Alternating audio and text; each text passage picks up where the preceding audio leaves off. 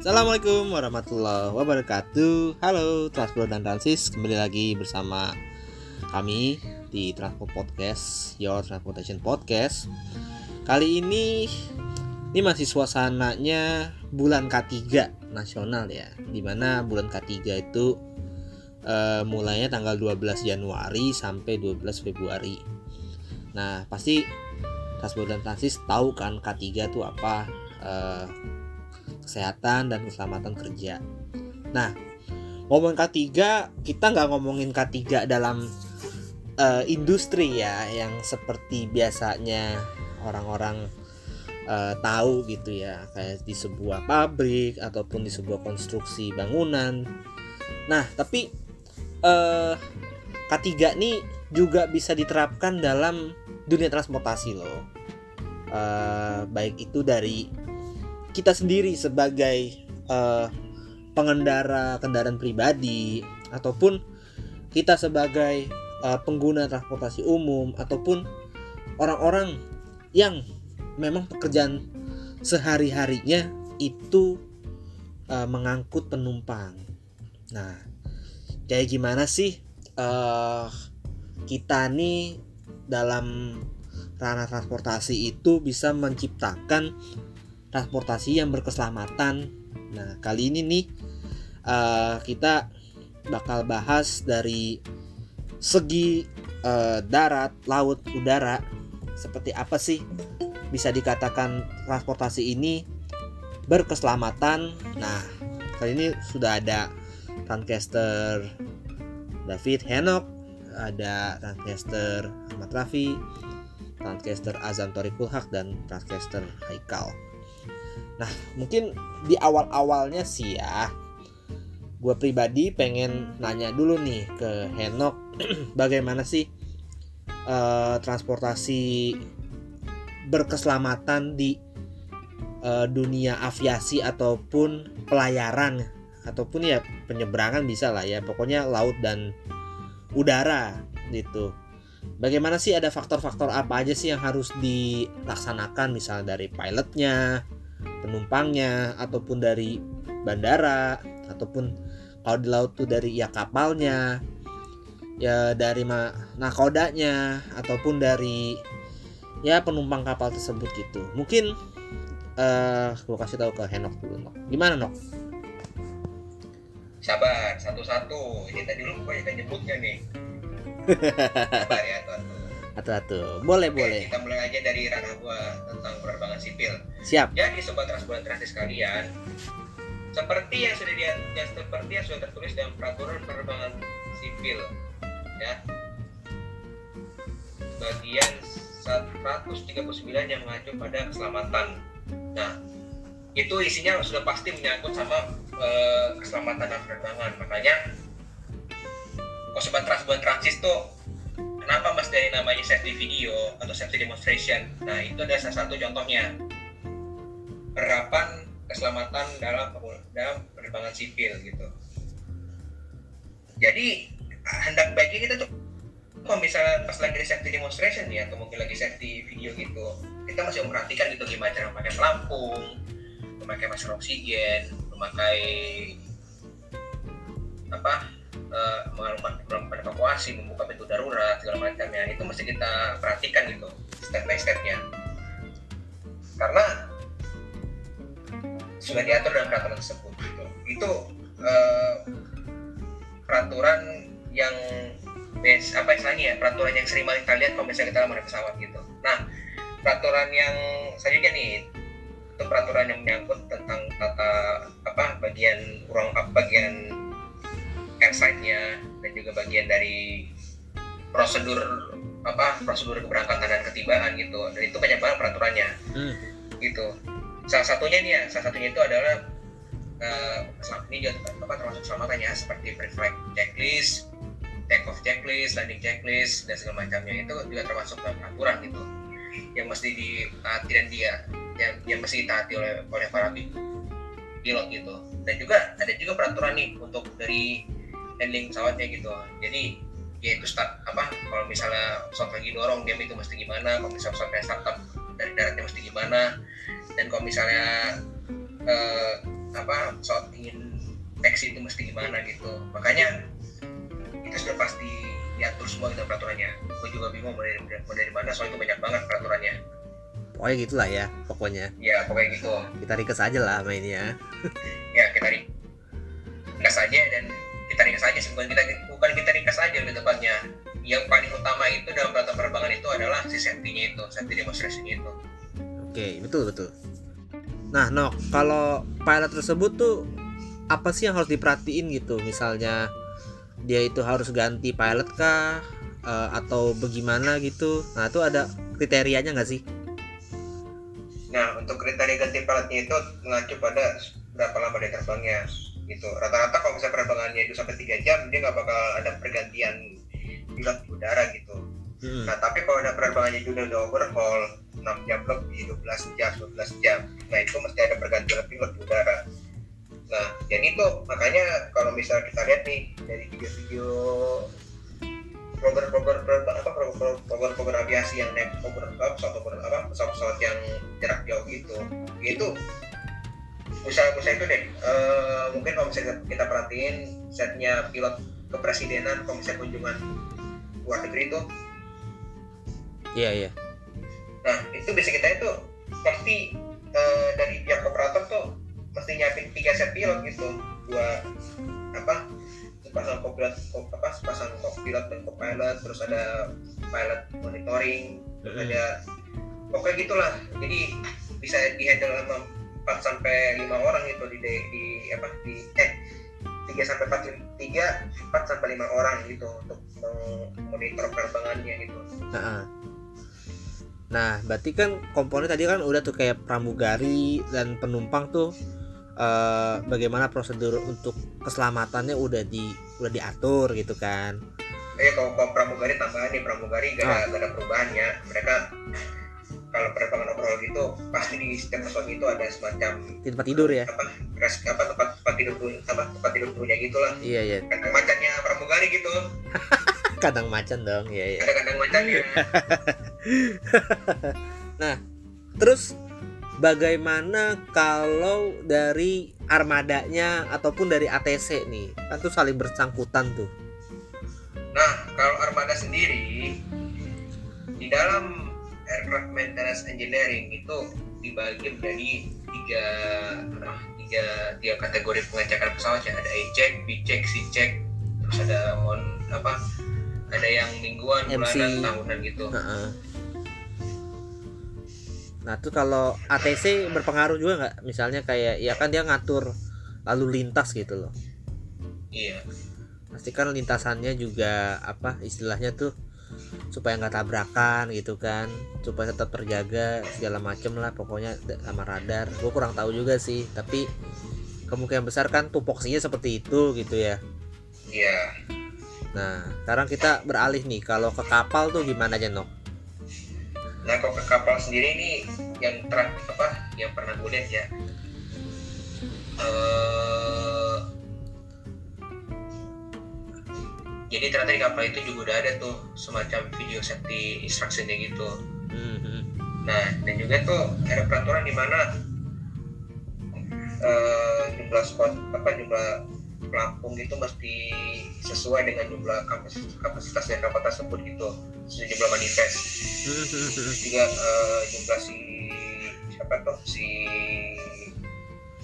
skoci terus jumlah si rakit penyelamatnya segala macam tuh harus disesuaikan dengan jumlah ininya lah. Yeah. jumlah si kursi atau gimana? kapasitas penumpang oh kapasitas. ya mungkin kursi. Tapi intinya intinya uh, yang penting tuh safety-nya tuh ada skoci terus juga ada apa namanya uh, pelampung. Pokoknya pokoknya kalau kalau peralatan APD itu udah ya pasti ada lah ya. Mau APD untuk mencegah kebakaran segala macem gitu ya. Nah terus kalau nakoda tuh nakoda gue kadang nggak tahu nok gitu. Kan dia kan ruangannya gede gitu nok. Itu dia em, apa dia bisa ganti-gantian atau gimana? Ada nah, autopilot ini, gitu kek. Yang namanya nakoda jurumudi dan dan apa nakoda. Jadi dari di apa di kapal. Itu kan nggak hanya nakoda aja gitu. Heeh. ada pokoknya ada nakoda jurumudi masinis masinis itu mesinnya yang Oke. mesin jurumudi megang kendali itunya ada ada yang mantau si radarnya ada yang mantau pergerakan kiri kanan segala macamnya nah, itu bisa digilir gitu jadi kaptennya tetap satu cuman ya kapten nggak nggak nggak selamanya memonitor keanjungan gitu Oh gitu gitu. hmm. Paham paham paham. Nah terus kalau dari kapal tersebut juga masalah maintenance lah ya. Yang paling utama. Iya maintenance iya masih ada maintenance yang paling utama gitu Apalagi kalau bagian riskannya apa sih? Lambung atau apa sih? Bagian riskannya kapal? apa apa Bagian riskannya kapal tuh lambung atau apanya aja sih? apa yang bisa dibilang ya ya semua bagian sih riskan gitu Riskan ya? mau lambung mau, mau lambung mau haluan bulitan mau mesin segala macamnya itu juga termasuk riskan itu Oke. yang mesti dijaga Oke, siap. Nah, sekarang nih kita beralih ke Raffi nih, ngomongin tentang kereta. Seperti apa sih eh layanan perkereta apian di Indonesia itu bisa dikatakan selamat? Eh, bisa jadi dari sarananya ataupun prasarana seperti misalnya stasiunnya ataupun dari eh, psikis atau peraturan-peraturan yang mengikat pada eh perkereta apian gitu. Misalnya persinyalan terus psikis psikisnya si masinis segala macam nah mungkin Raffi bisa ngasih pen- penjelasan nih. Monggo Vi. Oke, terkait di dunia perkereta apian sendiri terkait keselamatan dan keandalannya itu baik dari sarana, prasarana maupun SDM-nya sendiri itu ya ada masing-masing bagiannya gitu. Kalau misalnya dari sarana mungkin yang paling krusial lokomotif ya lokomotif sebelum berangkat jelas dia harus dicek semua bagian-bagian ya gitu entah pengereman entah lampu semboyan-semboyan bahan bakar keandalan mesin traksi motor terus yang diutamakan ya semuanya semuanya sih nggak ada nggak nggak semuanya jangan nggak ada yang terlewatkan itu untuk memastikan bahwa lokomotif tersebut andal ketika nantinya berdinas dan juga lokomotif dilakukan perawatan-perawatan khusus untuk maintenance. Misalnya ada perawatan harian, perawatan mingguan, bulanan, perawatan beberapa tahun sekali setahun dan beberapa tahun tergantung tingkatannya apa tingkat dari kondisi dari lokomotif tersebut. Begitu juga dengan sarana kereta sarana gerbong ataupun sarana KRL itu juga sama harus dilakukan pengecekan dahulu sebelum dilakukan dinas. Kemudian masalah prasarana seperti entah stasiun entah jalur kalau stasiun kan memang dia hmm, di digunakan oleh banyak orang penumpang gitu di tiap hari penumpang silih berganti yaitu ya utama kebersihannya terus papan penunjuk arah entah itu ke arah peron ke arah ruang-ruang tertentu dan member signage untuk ruang-ruang entah petugas KAI, ruang untuk ruang tunggu, ruang loket atau ruang toilet dan segala macam itu sangat diperlukan untuk membantu penumpang ataupun petugas KA dalam beraktivitas di area stasiun. Iya.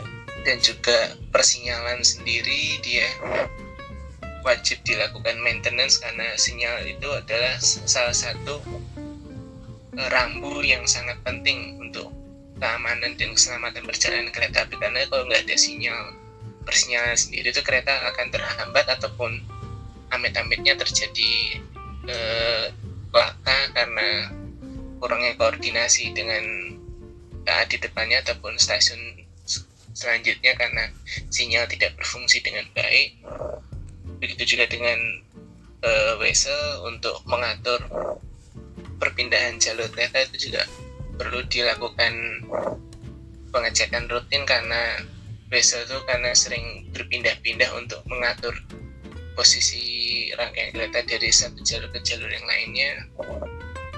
Dan kemudian semboyan-semboyan pendukung atau aturan-aturan semboyan-semboyan yang digunakan untuk aturan ataupun panduan ketika kereta api berjalan juga perlu dilakukan pengecekan karena kadang beberapa ada terdapat semboyan yang mungkin sudah uh, mulai uh, kena cuaca yang bersilih berganti sejak ekstrim mulai Usap. usam atau tidak terlihat atau mungkin karat hmm. itu juga perlu dicek ulang apa dirawat gitu di untuk eh, sarana prasarana tadi mungkin itu dan untuk SDM-nya sendiri dimulai dari masinis eh, prosedurnya itu masinis itu sebelum dinas dia perlu banyak banget pengecekan. Perlu banyak banget tes. Tes medis. Itu tes bebas narkoba bebas minuman beralkohol dan tes kesehatan rutin lainnya dan juga uh, tes ujian hafalan semboyan-semboyan ketika di perjalanan dan kondisi fisik dan psikisnya itu juga perlu dicek. Karena kalau emang salah satu aja nggak lolos itu masinis nggak boleh dinas perlu diistirahatkan lagi. Karena karena kalau ada salah satu yang minus masinis tetap dipaksakan dinas yang ada terjadi hal-hal tidak diinginkan gitu ketika dinas. Hmm, benar. Dan kemudian untuk jatah jam dinas dari masinis itu kurang lebih sekitar 3 sampai 4 jam kalau misalnya normalnya 3 jam tergantung dari stasiun pemberhentiannya tapi masinis biasanya uh, berganti dinas ketika sudah melewati waktu tiga jam dua setengah sampai tiga jam tergantung dari lamanya perjalanan hmm. di stasiun-stasiun tertentu yang biasanya terdapat mes untuk masinis istirahat setelah berdinas ataupun akan berdinas di kereta yang yang melewati stasiun itu. Kemudian untuk SDM lain seperti kondektur, kemudian posuska itu biasanya hampir sama dengan masinis berganti setiap tiga jam sekali atau dua setengah jam tergantung dari lamanya perjalanan dan waktu di pemberhentian di stasiun yang disinggahi KA tersebut. Itu hampir sama. Kemudian kalau untuk petugas kebersihan atau on track cleaning itu berdasarkan info yang pernah aku dapat itu kurang lebih sehari itu 8 jam. Oh oke okay, okay. 8 jam perjalanan kalau nggak salah. Mungkin kalau ada teman-teman yang paham mungkin bisa ditambahkan nanti atau tambah masuk kritik dan saran itu karena memang baru dapat dari beberapa info aja takutnya ada yang kurang. Kemudian petugas lain pun yang prasarana pengecekan prasarana memang kebanyakan 8 jam karena ya mungkin untuk untuk shiftingnya lebih lebih lebih lama efisien ya? atau gimana uh. gitu dan kemudian juga petugas stasiun seperti PPKA ataupun PAP itu juga jatah dinasnya 8 jam per hari oh oke okay, oke okay. baru tahu nih juga ya tapi ini uh, by the way ya ingat gak sih kejadian yang kata KRL KRL nubruk di Juanda tuh? Nah itu kan gue pernah baca ya apa temuan-temuan KNKT itu bahwa katanya nih uh, kan KRL sekarang diteralis tuh ya. Kalau kita lihat kan diteralis kan tuh sekarang pada dicopot-copotin gitu kan. Iya. Yeah. nah tuh katanya pakai teralis itu nggak kelihatan nggak kelihatan sinyal masinisnya. Jadi ya udah gitu kecelakaan. Emang apa bener nggak sih Uh, sebenarnya itu masalah kebijakan teralis itu dulu untuk menghindari apa lempar batu pelemparan batu apa itu vandalisme lainnya yang yang mengarah ke A ketika berjalan terutama di lokomotif mm-hmm. e, sebenarnya ya bisa dibilang juga meng, sedikit menghambat pandangan masinis untuk melihat semboyan tak, ataupun persinyalan di depannya mm-hmm. dan juga bahayanya ketika ada kejadian hal-hal tidak diinginkan tuh masinis ketika akan keluar melalui jendela itu susah gitu kalau ada tralisnya. Iya iya benar dan kemudian setelah dikaji ulang dan dibahas secara garis besar dan di ketemu kajian keluarnya yaitu sekarang untuk kaca-kaca bagian depan itu kalau entah lokomotif.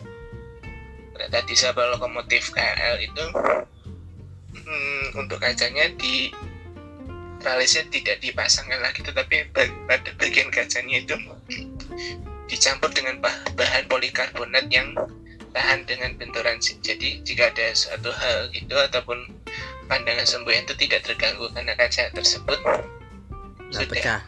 Dilengkapi polikarbonat yang tahan banting dan juga tidak perlu lagi dipasang yang namanya tralis. Oh, oke siap siap udah paham nih sekarang nih oke berarti eh, lebih ke SDM juga ngaruh banget lah ya. Apalagi kalau sekarang juga kereta juga ada yang udah terelektrifikasi atau terelektronifikasi ya secara persinyalan. Nah itu juga sebenarnya memudahkan eh, masinis atau SDM ya. Apalagi kan ada yang namanya GOA GOA itu ya. GOA 1 sampai 4 eh GOA 0 sampai 4 itu juga mem- mempermudah. Tapi yang nambah kerjaan nih ya, ya apa sih eh dalopsnya nih pengendalian operasinya ya pusdalopka ya kalau Iya. itu ya.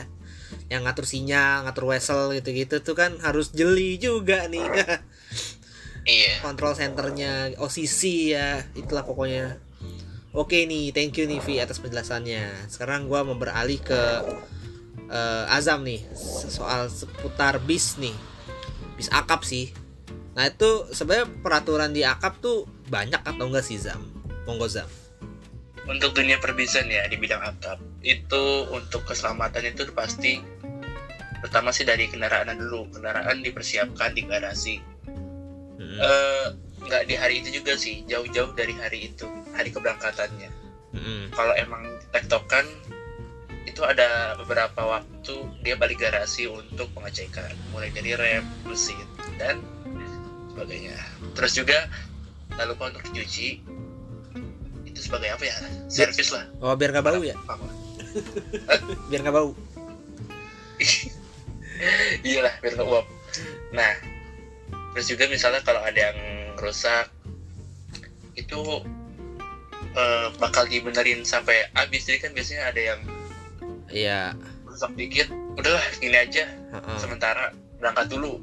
Udah dong sekarang ya udah udah makin bersaing sehat lah makin profesional juga gitu Ah. karena kan saingan makin ketat Mm-mm. eh di maintenance secara penuh dan juga pasti ada rollingan cadangannya oh jadi iya sampai benar-benar bis ini sehat kembali baru bisa mengaspal baru yang yang Nah, aslinya datang gitu ya iya ya, paham paham, paham. untuk dari itunya pembalap ya eh pembalap sopirnya Heeh. untuk drivernya itu pastinya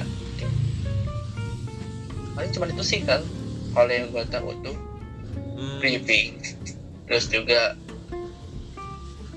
pokoknya briefing dari pihak PO terus juga cuman bekal keselamatan. Kayak misalnya apa ya? dia tuh kan kalau supir biasanya cuman nggak ada kayak jam jam terbang harus berapa jam dipatokin ya secapeknya dia baru gantian gitu kan.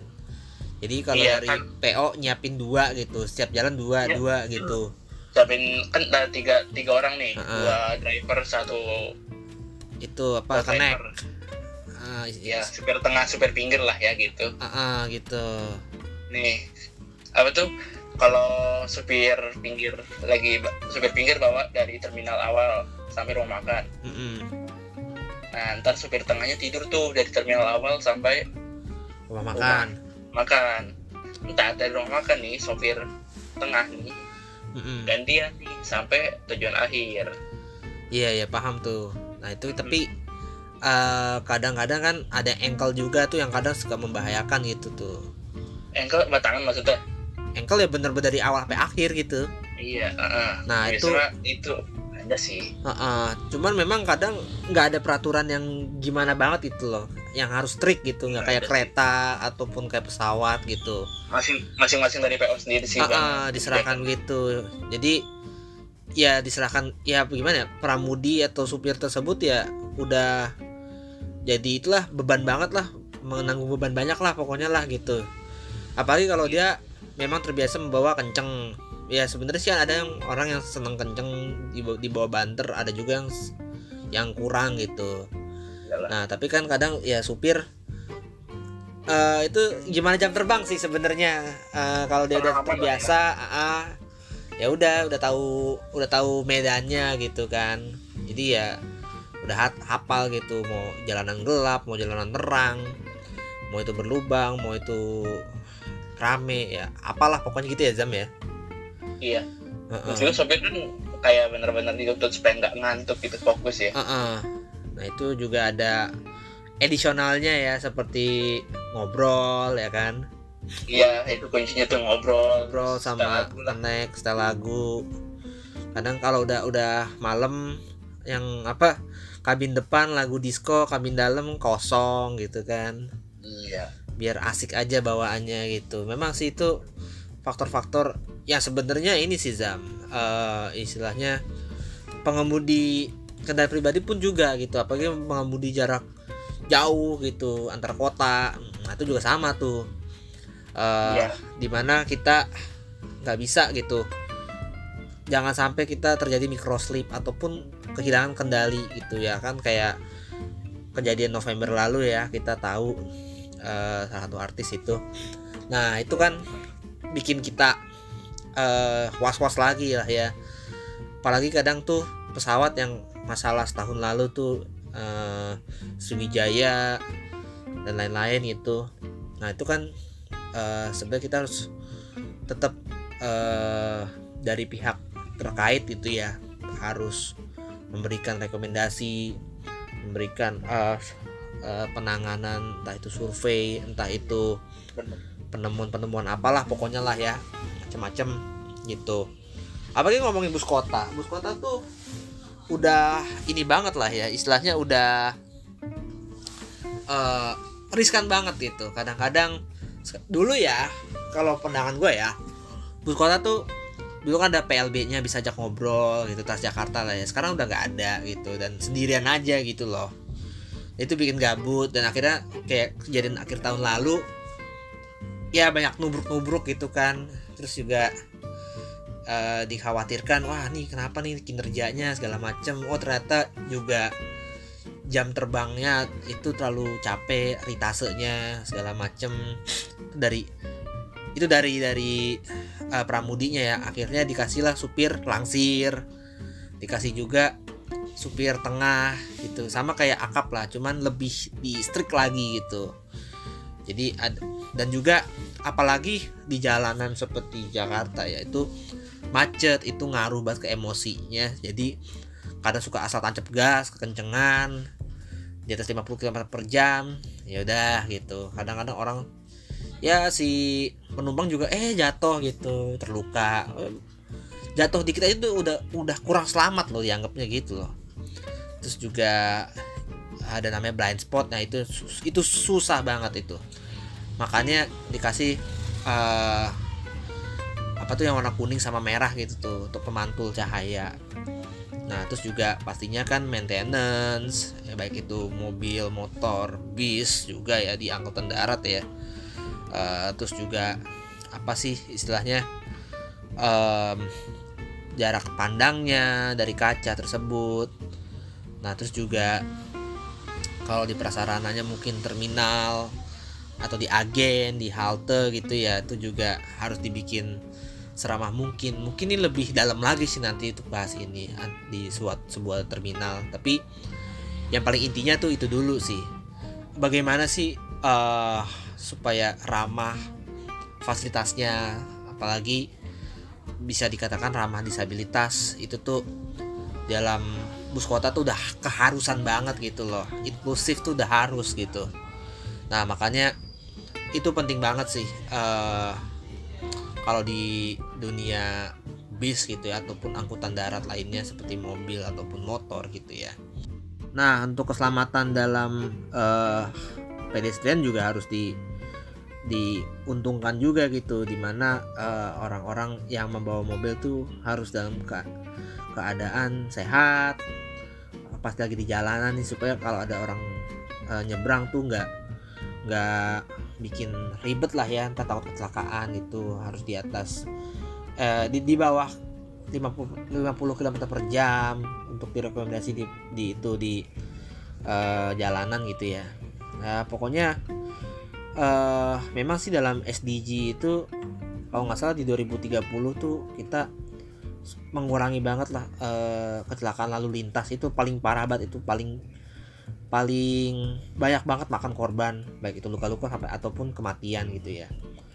Eh di SDG ini juga ada nih ya, di SDG nomor 3 itu yaitu mengadvokasi peraturan dan menegakkan keselamatan jalan yang lebih baik. Transportasi tidak bermotor yang berkualitas dan penanganan pasca tabrakan yang lebih baik.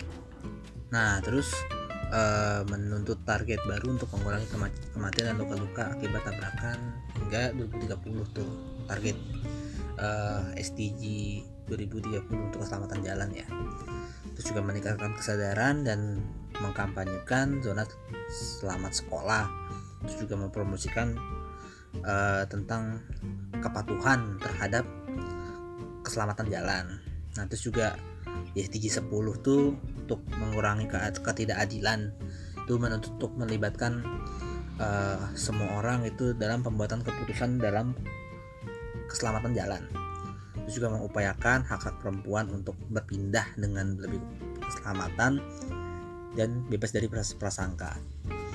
Nah, di SDG 11 juga mengadvokasikan agar pengguna jalan yang rentan itu diutamakan dalam perencanaan kota serta menekan pembuat kebijakan lokal untuk berinvestasi pada infrastruktur kendaraan dan penggunaan jalan yang berkeselamatan dan berkelanjutan yaitu eh, dibikin sebagai eh, poin-poin tersebut dibikin sebagai eh, dekade eh, road safety 2030 gitu. Ini kan sebenarnya udah pernah kita bahas juga sebelumnya. Apalagi ngomongin BRT yang pokoknya harus lebih diutamakan gitu sesuai strata. Nah itu berpengaruh banget ke keselamatan dalam bertransportasi gitu. Dan dalam mobil juga nih gue mau nambahin gitu ya. Menurut peraturan pemerintah nomor 79 tahun 2013, 2013 tentang jaringan lalu lintas dan angkutan jalan nah itu kecepatan di perkotaan tuh maksimal 50 met 50 km per jam dan di pemukiman 30 km per jam. Lalu peraturan Menteri Perhubungan nomor 111 tahun 2015 tentang tata cara penetapan batas kecepatan di mana 40 km per jam maksimal itu untuk pusat di pusat kegiatan dan juga pemukiman dan 30 km per jam itu di kawasan sekolah. Nah, itu juga mengaruh pada ke pengereman nih. Kenapa kecepatan eh, pengendara itu atau eh, kendaraan ya itu berpengaruh banget gitu. Jadi ada namanya aksi aksi reaksi sih sebenarnya di mana ada reaksi misalnya kita kaget terus baru ngerem tuh jaraknya tuh eh, bisa diatur gitu. Sama kayak kereta gitu dalam pengereman kalau misalnya ada sesuatu objek di depannya itu dalam radius 1 km 500 200 sampai cuman 10 meter gitu ya. Nah itu bisa diatur gitu loh bagaimana nah kalau di kendaraan jalanan ya itu kalau misalnya 70 tuh kencang banget jadi pengeremannya tuh lebih bikin orang laka gitu dibanding 30 km per jam. Makanya safety-nya itu di 50 sampai 30 gitu. Kalau 20 ke, ke kelambatan lah ya. Ya kurang lebih seperti itu sih kalau kita ngomong keselamatan jalan gitu ya. Nah mungkin ini dari Azam ada tambahan nih dari rekomendasi KNKT bagaimana sih eh sebuah bis kota tuh bisa dikatakan selamat dari sisi operator, sisi pengemudi ataupun sisi penggunanya nih. Nah mungkin eh, bisa dijelasin nih Zam kayak gimana eh, rekomendasi dari KNKT tersebut sekalian juga sebagai penutup nih. Oke banget lah pokoknya lah episode kali ini. Oke lanjut.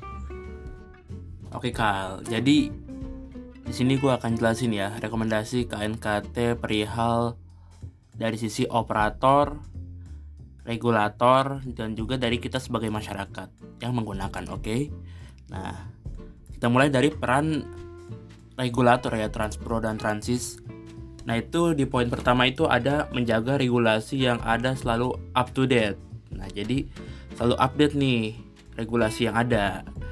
Nah selanjutnya ada mengeluarkan perizinan dan melakukan audit terhadap operator apakah persyaratan dalam perizinan telah dipenuhi. Nah, yang ketiga itu adalah melaksanakan implementasi regulasi untuk menjamin keselamatan. Jadi dilaksanain nih atau diimplementasikan regulasinya demi menjamin keselamatan.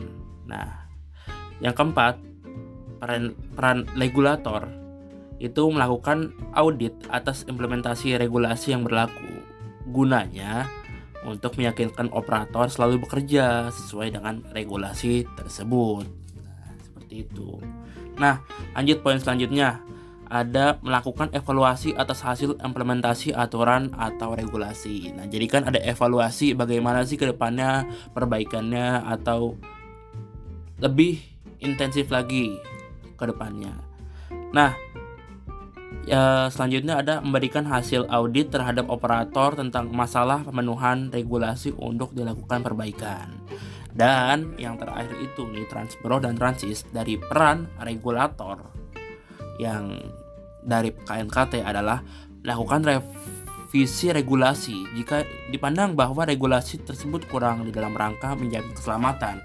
Nah, jadi dalam bentuk evaluasi juga ya Transpro dan Transis. Jadi eh, emang kalau nggak memenuhi akan direvisi, diganti atau lebih dimatangkan. Oke, Transpro dan Transis. Itu ya dari peran regulator. Selanjutnya ada peran operator nih, operator ya, yang mengoperasikannya ya. Yang pertama, ada menjaga senantiasa agar selalu patuh untuk memenuhi regulasi yang berlaku. Nah, yang kedua, nih, yang peran operator bus kota, bis baru memenuhi standar teknis baik yang telah ditetapkan dalam regulasi pemerintah ataupun standar praktis lainnya kayak contoh crash worth uh, worthiness, terus ergonomik dan masih banyak lagi transpro dan transis. Terus selanjutnya, menjamin kendaraan dalam kondisi layak jalan, memenuhi aspek teknis dan administratif. Nah, jadi kendaraan dalam khususnya yang kita bahas ini ya, ini kendaraan bus kota itu harus layak jalan. Baik ya secara teknisnya sama administrasinya. Nah, selanjutnya dari ini nih, dari pengendara atau pengemudi. Pengemudi bus kota memiliki kompetensi dan fit work. Jadi, kompetensinya ada, terus juga kondisi badannya itu fit untuk bekerja, untuk uh, melayani. Nah, selanjutnya menjamin keselamatan dan keamanan serta kesehatan sejak naik halte keberangkatan sampai keluar pada halte tujuan. Jadi ini ketika kita masuk ke halte busway atau bus kota lainnya itu uh, harus dijamin keselamatannya, keamanannya dan juga kesehatannya dari kita sendiri. Nah, sampai kita turun keluar dari halte di tujuan kita itu masih dalam peran operator. Selanjutnya, memenuhi standar kenyamanan yang telah ditetapkan. Jadi ya udah aman, kita harus dijamin aman, selamat dan juga sehat, tapi kenyamanan kita juga harus di jaga gitu sama mereka. Nah selanjutnya pengemudi memahami prosedur tangkap darurat. Misalnya nih, jadi eh, pengemudi atau pengendara bus kota itu dituntut untuk eh, siap siaga dalam keadaan apa pun. Misalnya ada keadaan yang tidak diinginkan atau keadaan darurat itu pasti ada prosedurnya kan sesuai standar.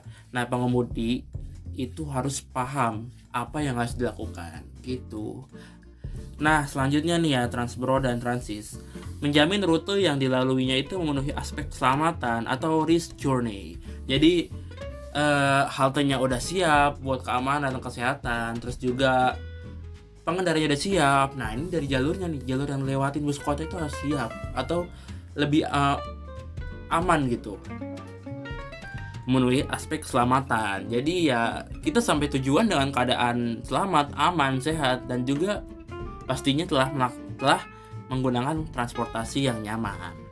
Oke, selanjutnya ada sistem manajemen keselamatan dapat memastikan bahwa semua hazard telah dilakukan mitigasi dan safety action.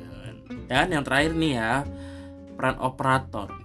Pengemudi trans, peng, pengemudi bus Transjakarta khususnya agar selalu menjaga tingkat emosionalnya nih untuk sabar.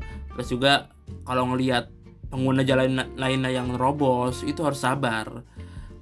Eh kenapa ya? Karena kan emosional tuh penting lah ya. Jadi bisa dibilang ini harus benar-benar jaga gitu. Nah kalau dari kita nih dari masyarakat nih kita harus apa nih? Yuk, kita ada peran juga nih ternyata nih. Oke peran masyarakatnya ya. Peran masyarakat yang pertama. Penumpang agar selalu mentaati aturan yang berlaku untuk Transjakarta ataupun bus kota lainnya. Terus juga penumpang ikut berpartisipasi aktif untuk memantau dan melaporkan jika melihat suatu ancaman bahaya atau hazard. Nah, jadi misalnya nih ada misalnya kita lagi naik busway. Terus ngelihat ada tanda-tanda bahaya nih. Nah, segera kita laporkan. Uh, agar bisa di uh, minimalisir dengan baik. Selanjutnya di poin ketiga, peran masyarakat ikut berpartisipasi dalam menciptakannya keamanan baik di halte walaupun di dalam maupun di dalam bus. Nah, jadi dari kita sendiri juga harus menjaga keamanan. Maksudnya kayak ketertiban jangan provokatif lah. Ya tetap dibuat santai kalem. Nah selanjutnya bagi masyarakat pengguna jalan agar tertib tidak masuk pada jalur busway. Nah jadi tadi kita kita bahas ya transpro dan transis bahwa tingkat emosional dari pengemudi Transjakarta itu harus benar-benar dijaga untuk keselamatan ya. Nah berarti dari kita sendiri dong Kita sendiri juga ada peran buat tertib lalu lintas. Salah satu contohnya nggak masuk ke jalur busway. Oh, bu ya masa kita cuman pengemudi Transjakarta dituntut supaya sabar Tapi kitanya masih bandel begini. Ya berarti juga ada peran dari kitanya juga. Jadi taati lalu lintas Dan pastinya akan ngaruh juga ke transportasi umumnya Nah, di poin selanjutnya ya, kita nih harus selalu waspada ketika akan melakukan crossing ataupun berbelok jika berpotongan dengan jalur busway. Oke lah kita nggak masuk ke jalur busway, tapi ketika kita lagi pengen muter balik, itu harus hati-hati dong. Sekalian lihat ada busway atau enggak, jangan asal be nyelonong gitu. Nah, terus selanjutnya di masa pandemi ini kita sangat dituntut untuk menjaga protokol kesehatan ya. Apalagi kan sekarang udah mulai naik lagi nih, naik naik naik. Semoga turun sih. Agar selalu saling mengingatkan kepada yang lain. Uh, jika mereka nggak patuh prokes lah, jadi kita harus ngingetin. Jadi kita bermanfaat buat orang lain. Minimal kita ngingetin. Eh, pakai maskernya yang baik.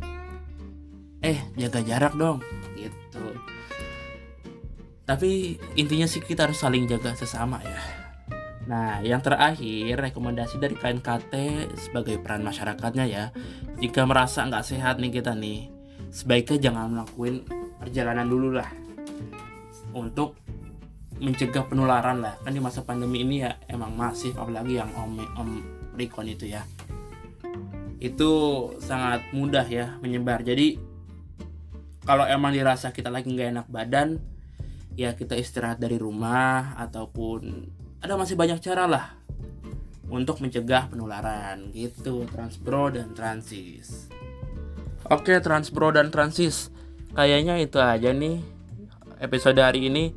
Udah lengkap data-data dari rekomendasi KNKT semoga transportasi khususnya bus kota yang kita harapkan ataupun yang lain moda-moda transportasi lainnya itu bisa menjamin keselamatan mulai dari kitanya sendiri sebagai pengguna, terus juga sebagai pengemudinya, terus juga sebagai uh, pengguna jalan yang lainnya. Oke, okay? sebagai kata penutup, jangan lupa selalu menjaga protokol kesehatan, terus juga tetap semangat, positive thinking kita bisa sehat selalu. Wassalamualaikum warahmatullahi wabarakatuh. Salam transportasi.